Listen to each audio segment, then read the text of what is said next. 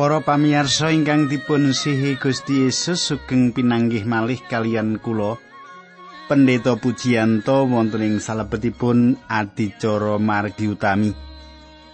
Panjenengan sampun pirsa kadang kula menawi kita wonten ing adicara margi utami menika kita badhe sinau sesarengan naliti sesarengan menapa ingkang dipun pratelakaken kitab suci ing pangangkah saged nambahi kawruh karohanen kita. Kulo sengaja mbikak kitab suci kita urutan nggih upaminipun wonten ing Rom samenika nembe sinau serat Rom pramila awit bab setunggal bab kali bab tiga ayat muka ayat dipun pratelakaken dipun sinau supados tujuan angka saking serat menika panjenengan sami saged perso. Nah, katang kula monggo nyaket kalian kula mriki sugeng midhangetaken adicara menika.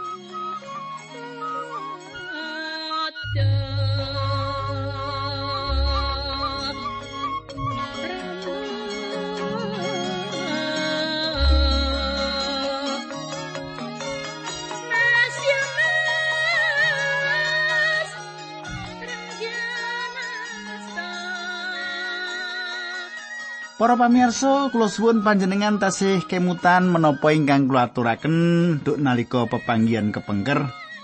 Kita sampun nyemak kados pundi Paulus nglairaken gegayutan kalian kawilujengan ingkang dipun tawakaken saking Gusti Allah kangge tiang dosa. Panjenengan tasih kemutan menika lan saderengipun kita lajengaken monggo kita ndedonga. Duh Kanjeng Rama ingkang adhedhampar wonten kraton ing kasuwargan, kawula ngaturaken gunging panuwun menawi wekdal menika kawula saged tetunggilan kalian sederek-sederek kawula ingkang setya tuhu midhangetaken adicara menika. Berkahi adicara menika Gusti linambaran asmanipun Gusti Yesus Kristus kawula ndedonga. Haleluya. Amin.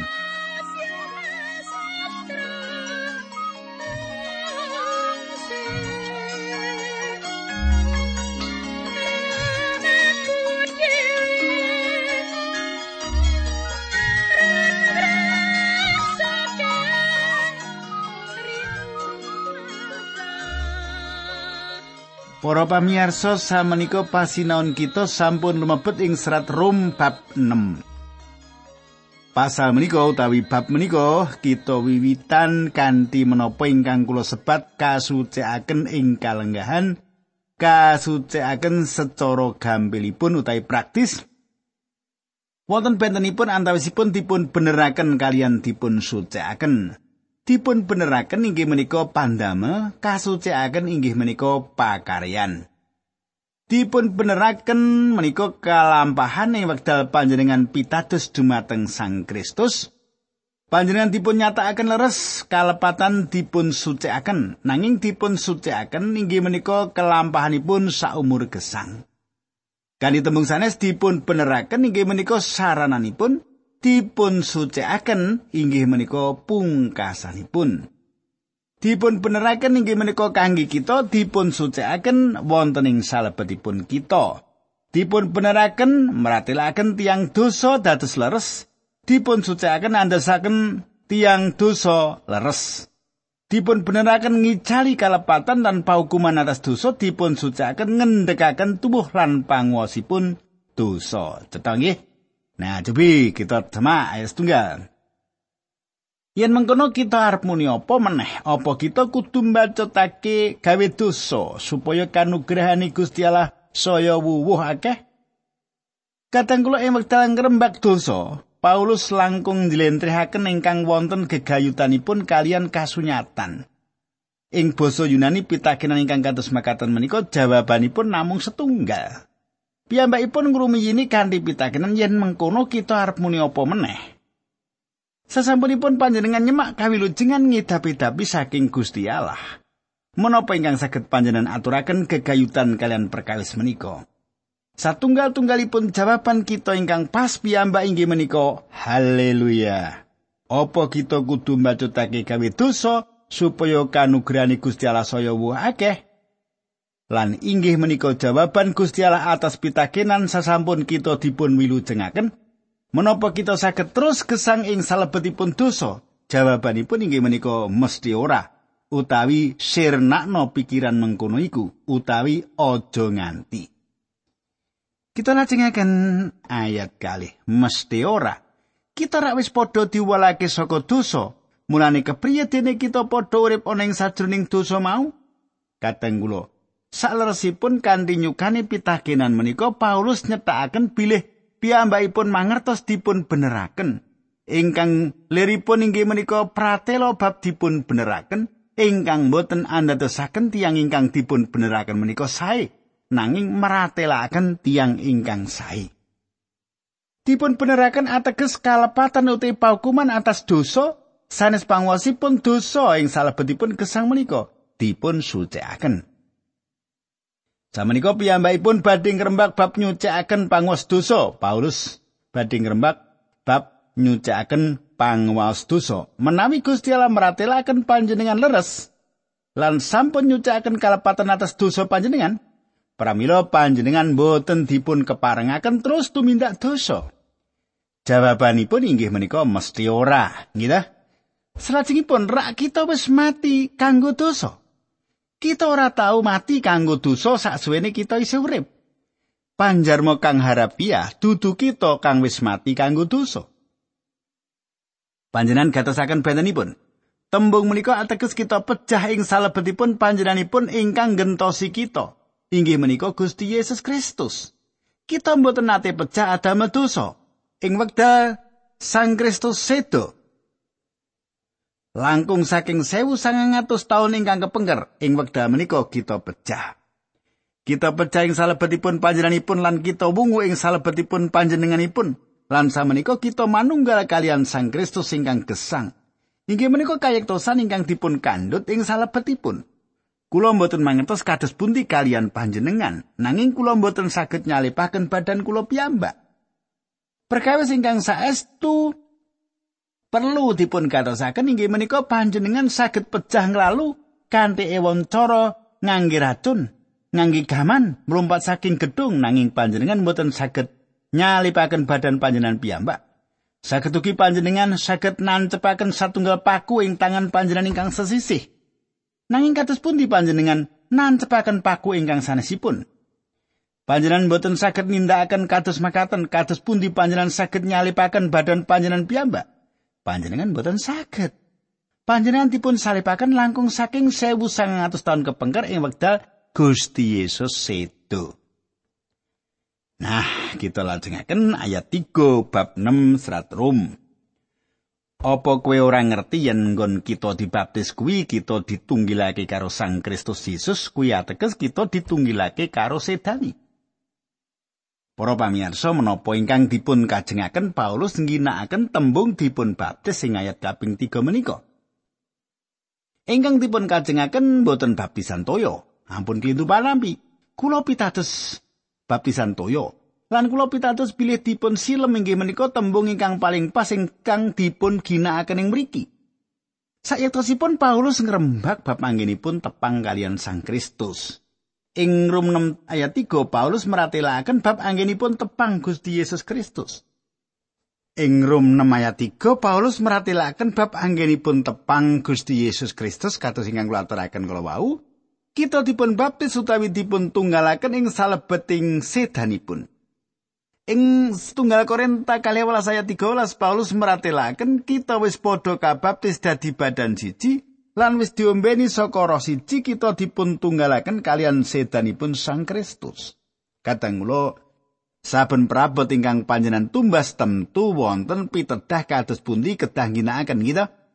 Ing wekdal kula tumbas barang dolanan kangge lare kula, kula ngedalaken saking kotak barang dolanan menika lan kula nyobi maos pitedhaipun kados pundi anggenipun masang nglampahaken gesang Kristen inggih menika perkawis ingkang penting. Awit saking menika mbetahaken pitedah wonten sawetawis perkawis ingkang perlu dipun mangertos kita perlu mangertos bilih ing wekdal Sang Kristus sedo langkung saking 1900 taun ingkang sampun kepengker kita dipun tepangaken kalian panjenenganipun. dosa kula mapanaken panjenenganipun ing mriku lan dosa panjenengan ugi mapanaken panjenengan ing mriku kita dipun tunggalaken kalian Yesus Kristus. Samenika ayat sekawan. Srana baptisan mau kita dikubur bebarengan karo Sang Kristus ana ing sedani supaya kaya dene Sang Kristus dibungakake saka ing sedo dening kamulyaning panguasani Sang Rama kaya mengkono uga kita padha kaparingan urip sing anyar. Kadang kula cobi panjenengan katosaken srana baptisan mau kita dikubur bebarengan karo Sang Kristus ana ing sedani. Kados dene kita dipun tunggalaken kalian Sang Kristus sing salebetipun sedanipun, Kados mekaten kita dipun tunggalaken kalian Sang Kristus sing salebetipun wungunipun. Ing wekdal menika kita dipun tunggalaken kali Sang Kristus ingkang gesang kali tembung sanes dosa-dosa kita sampun dipun adili. Kita sampun wungu lan tepe saking mriku kita lenggah sesarengan kalian Sang Kristus sing swarga. Namung wonten kali papan kangge dosa-dosa panjenengan. Kekalipun wonten ing salebetipun Sang Kristus sing wekdal panjenenganipun sedo kangge panjenengan langkung saking 1900 taun kepengker. Awit panjenengan pitados dumateng panjenenganipun minangka Sang Juru Wilujeng utawi kekalipun wonten ing salebetipun panjenengan ing wekdal menika lan pengadilan ngentosi panjenengan. Mboten wonten ing papan kaping tiga. Kanthi mengkono kita wis dikubur bebarengan karo panjenengane dening baptisan utawi tetepungan ing sadroning sedani. Manut kula baptisan roh inggih menika baptisan ingkang sayektosipun. Toyo inggih menika baptisan upacara agami nanging kula mboten gadah pikiran bilih dipun silemaken menika meratelaken kayektosan kasukman ageng ingkang kakandhut saking baptisan menika. Inggih menika jalaranipun kenging menapa putra Allah kedah dipun baptis ngangge toya jaman samenika. Baptisan toya menika satunggalipun paseksi bilih tiang menika manunggal kalian Sang Kristus ingkang gesang inggih menika ingkang paling penting. Kadang kula menapa ingkang Petrus kajengaken ing salebetipun setunggal Petrus tunggal ayat selikur. Semono uga kowe saiki kapitulungan slamet kanggo ibarat ing lelakon mau ya kuwi baptis. Kadang kula kados pun dicaranipun milu jengaken kita. Ing salebetipun ayat-ayat saderengipun Petrus ngrembak bab 8 tiang ingkang dipun milujengaken ing praunipun Nuh. Tiang wolu menika nampeni toya pengadilan wonten ing salebetipun prau. Tiang-tiang ingkang wonten ing toya inggih menika tiang-tiang ingkang wonten ing sanjawinipun prau lan tiang-tiang menika kasilep. Tiang wolu menika ing salebetipun prau babar pindah mboten teles nanging Petrus sanjang tiang wolu menika dipun milujengaken dening baptisan. Cetha sanget menawi tembung baptis sing salebetipun conto menika boten wonten gegayutanipun kalian toyo. Liripun namung kangge nepangaken kemawon. Tiang-tiang kala mau dipun tunggalaken wonten ing prau. Samenika Gusti Allah mirsani Sang Kristus. Panjenenganipun boten ningali kula awit kula wonten ing salebetipun Sang Kristus.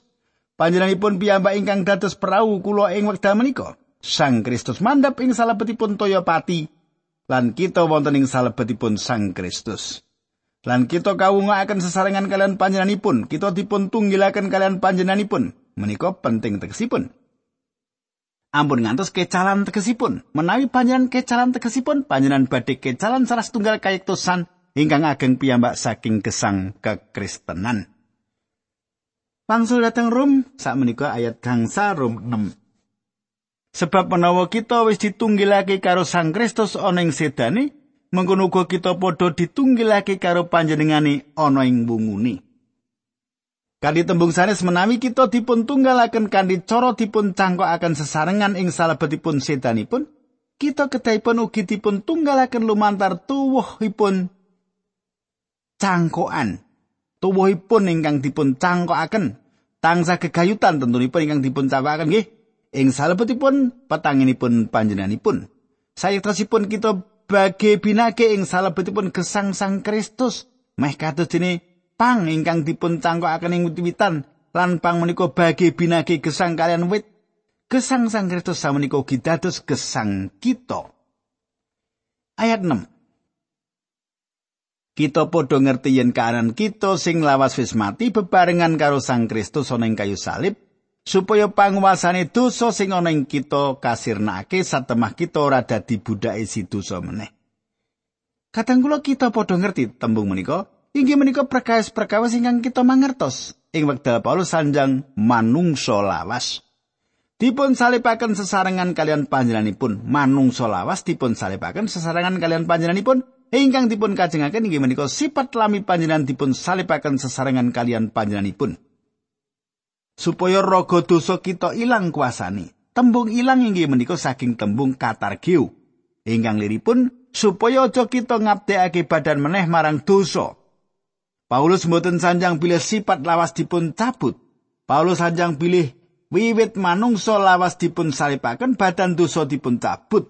Kanthi mekaten wiwit menika kita mboten kedahipun wonten ing salebetipun dados batur tukonipun dosa. Ayat pitu sebab wong sing wis mati kuwi wis luar saka panguasane si dosa. Kateng kula awit sinten ingkang sampun pecah dipun nyatakaken leres saking dosa tiang menika dipun merdekaken inggih menika kalanggahanipun tiang menika. Ayat 8 Yen kita wis mati bebarengan karo Sang Kristus kita percaya yen kita uga bakal urip karo panjenengani. Kadang kula menawi kita pecah kalian Sang Kristus kita pitados.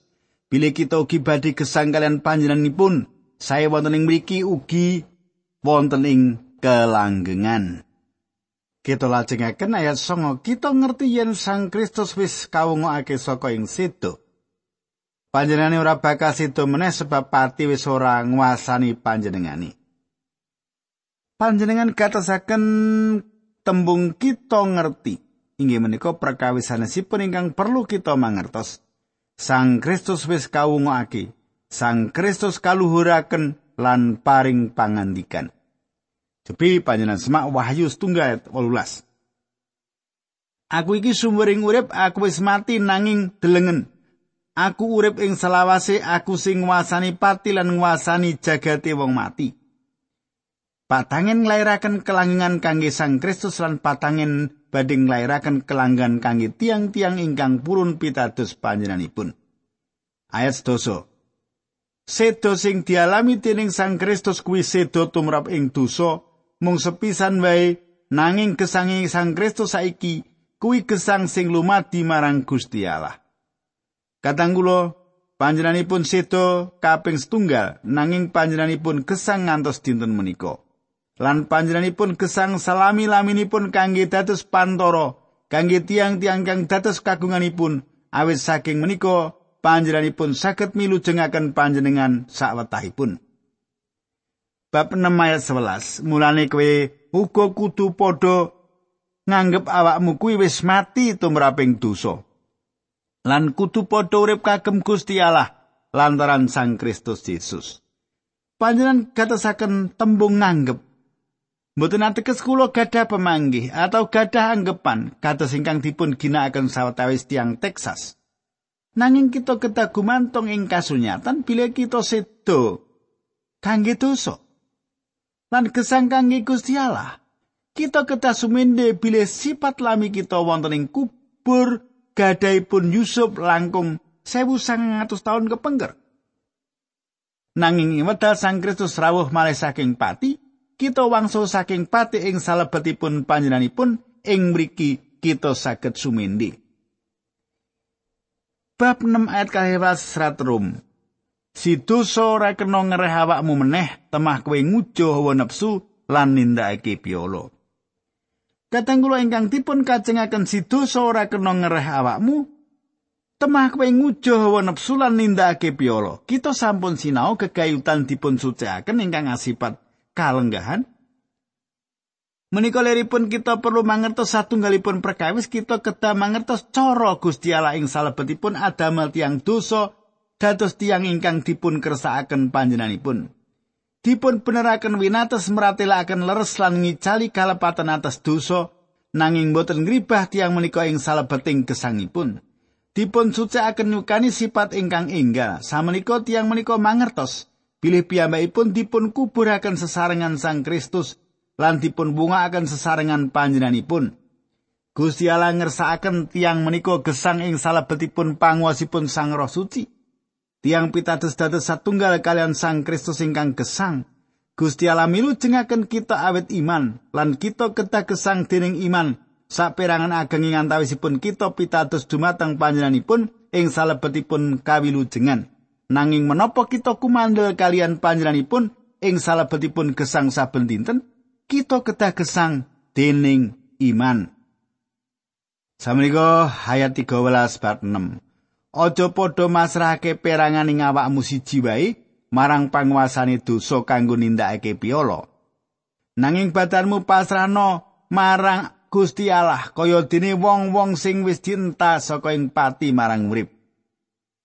Badanmu sakujur padha pasrahno marang Gusti Allah supaya diagem srana nindakake perkara-perkara sing becik kadang kula. Masrahaken inggih menika tembung ingkang sami kalian tembung nyaosaken utawi misungsungaken ing salebetipun Rom kali welas ayat tunggal. Sarene semono gedhe ning sih rahmate Gusti Allah marang kita para sedulur, mulane kowe padha nyaosno badanmu dadi korban sing urip kagem Gusti Allah. Inggih menika pisungsung panjenengan kangge peladosan.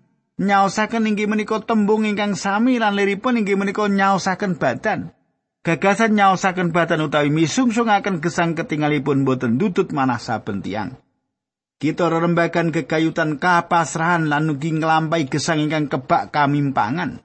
Lan ketingalipun kekalipun satunggalipun istilah ingkang lelawanan. Alasan saperangan ageng kita nampeni kasisan inggih menika awit kita masrahaken badan dumateng sifat lami. Awit saking kekajengan kita saged masrahaken badan kangge nindakaken kersanipun Gusti Allah ing salebetipun sifat inggal. Kadang kula wonten lare setri ingkang dawah saking tempat tidur ing satunggalipun dalu. Lari menika nangis ibunipun inggal-inggal dateng kamar lari menika. Ngangkat lari menika mapanaken malih ing tempat tidur lan tangket ngir. Kenapa kowe nganti tiba saka tempat tidur bocah menika atur wangsulan kula tilem kepinggiran. Lan inggih menika alasanipun saperangan ageng kita dawah. Saya tosipun kita masrahaken badan kita dumateng sifat lami. Kita nuruti sifat lami lan inggih menika ingkang nuntun kita ing salebetipun kasisahan. Sinaosa kita mboten ngicali sifat lami menika ing salebetipun gesang kita samenika kita dipun sukani mangertos. Pasrahno badanmu. Marang Allah. Kados diri panjenengan masrahaken badan kangge tumindak dosa, panjenengan ugi kedah masrahaken badan panjenengan dumateng Gusti Allah. Dados tiang-tiang ingkang rumiyin pecah, samenika panjenengan gesang ing salebetipun Sang Kristus. Panjenengan gadah sifat inggal, panjenengan sampun dipun lairaken malih. Badanmu sakucur padha pasrahno marang Gusti Allah supaya diagem srana nindakake perkara-perkara sing becik. Kegayutan kalian satunggalipun ingkang pokok lan mligi menapa masalah panjenengan sejatosipun kula mangertos masalah kula kados pundi kanthi panjenengan. Menapa kemawon perkawis mligi menika panjenengan pasrahaken kemawon dumateng Allah. Watek ingkang awon panjenengan aturaken dumateng panjenenganipun lan dipun rembak kalian panjenenganipun. Kados pundi kanthi ilat ingkang dipun ginakaken kangge gosip menawi ilat inggih menika masalah panjenengan panjenengan pasrahaken dumateng Gusti Allah. Ing jaman samenika kados pundi perkawisipun kanthi ngrisak pagerayu seks samenika dados masalah ageng meh sedaya tiyang nindakaken ing wekdal samenika inggih menika dosa panjenengan. Panjenengan kedah masrahaken badan panjenengan dumateng Gusti Allah gegelitanipun badan panjenengan inggih menika dados gamaning kayektosan. Ampun sanjang pilih panjenengan boten saged. Panjenengan saged nindakaken kanthi panguwasipun Sang Roh Suci. Kadang kula kita badhe lajengaken malih ing dinten candhaipun samenika kita ndedonga rumiyin. Dukanjeng Rama ing swarga kawula ngaturaken gunging panuwun menawi wekdal menika kawula saged midhangetaken sabda pangandikan paduka. Matur nuwun Gusti Yesus kawula pasrahaken sedherek kawula menika wonten ing asta paduka linambaran asmanipun Gusti Yesus Kristus kawula netunggal haleluya amin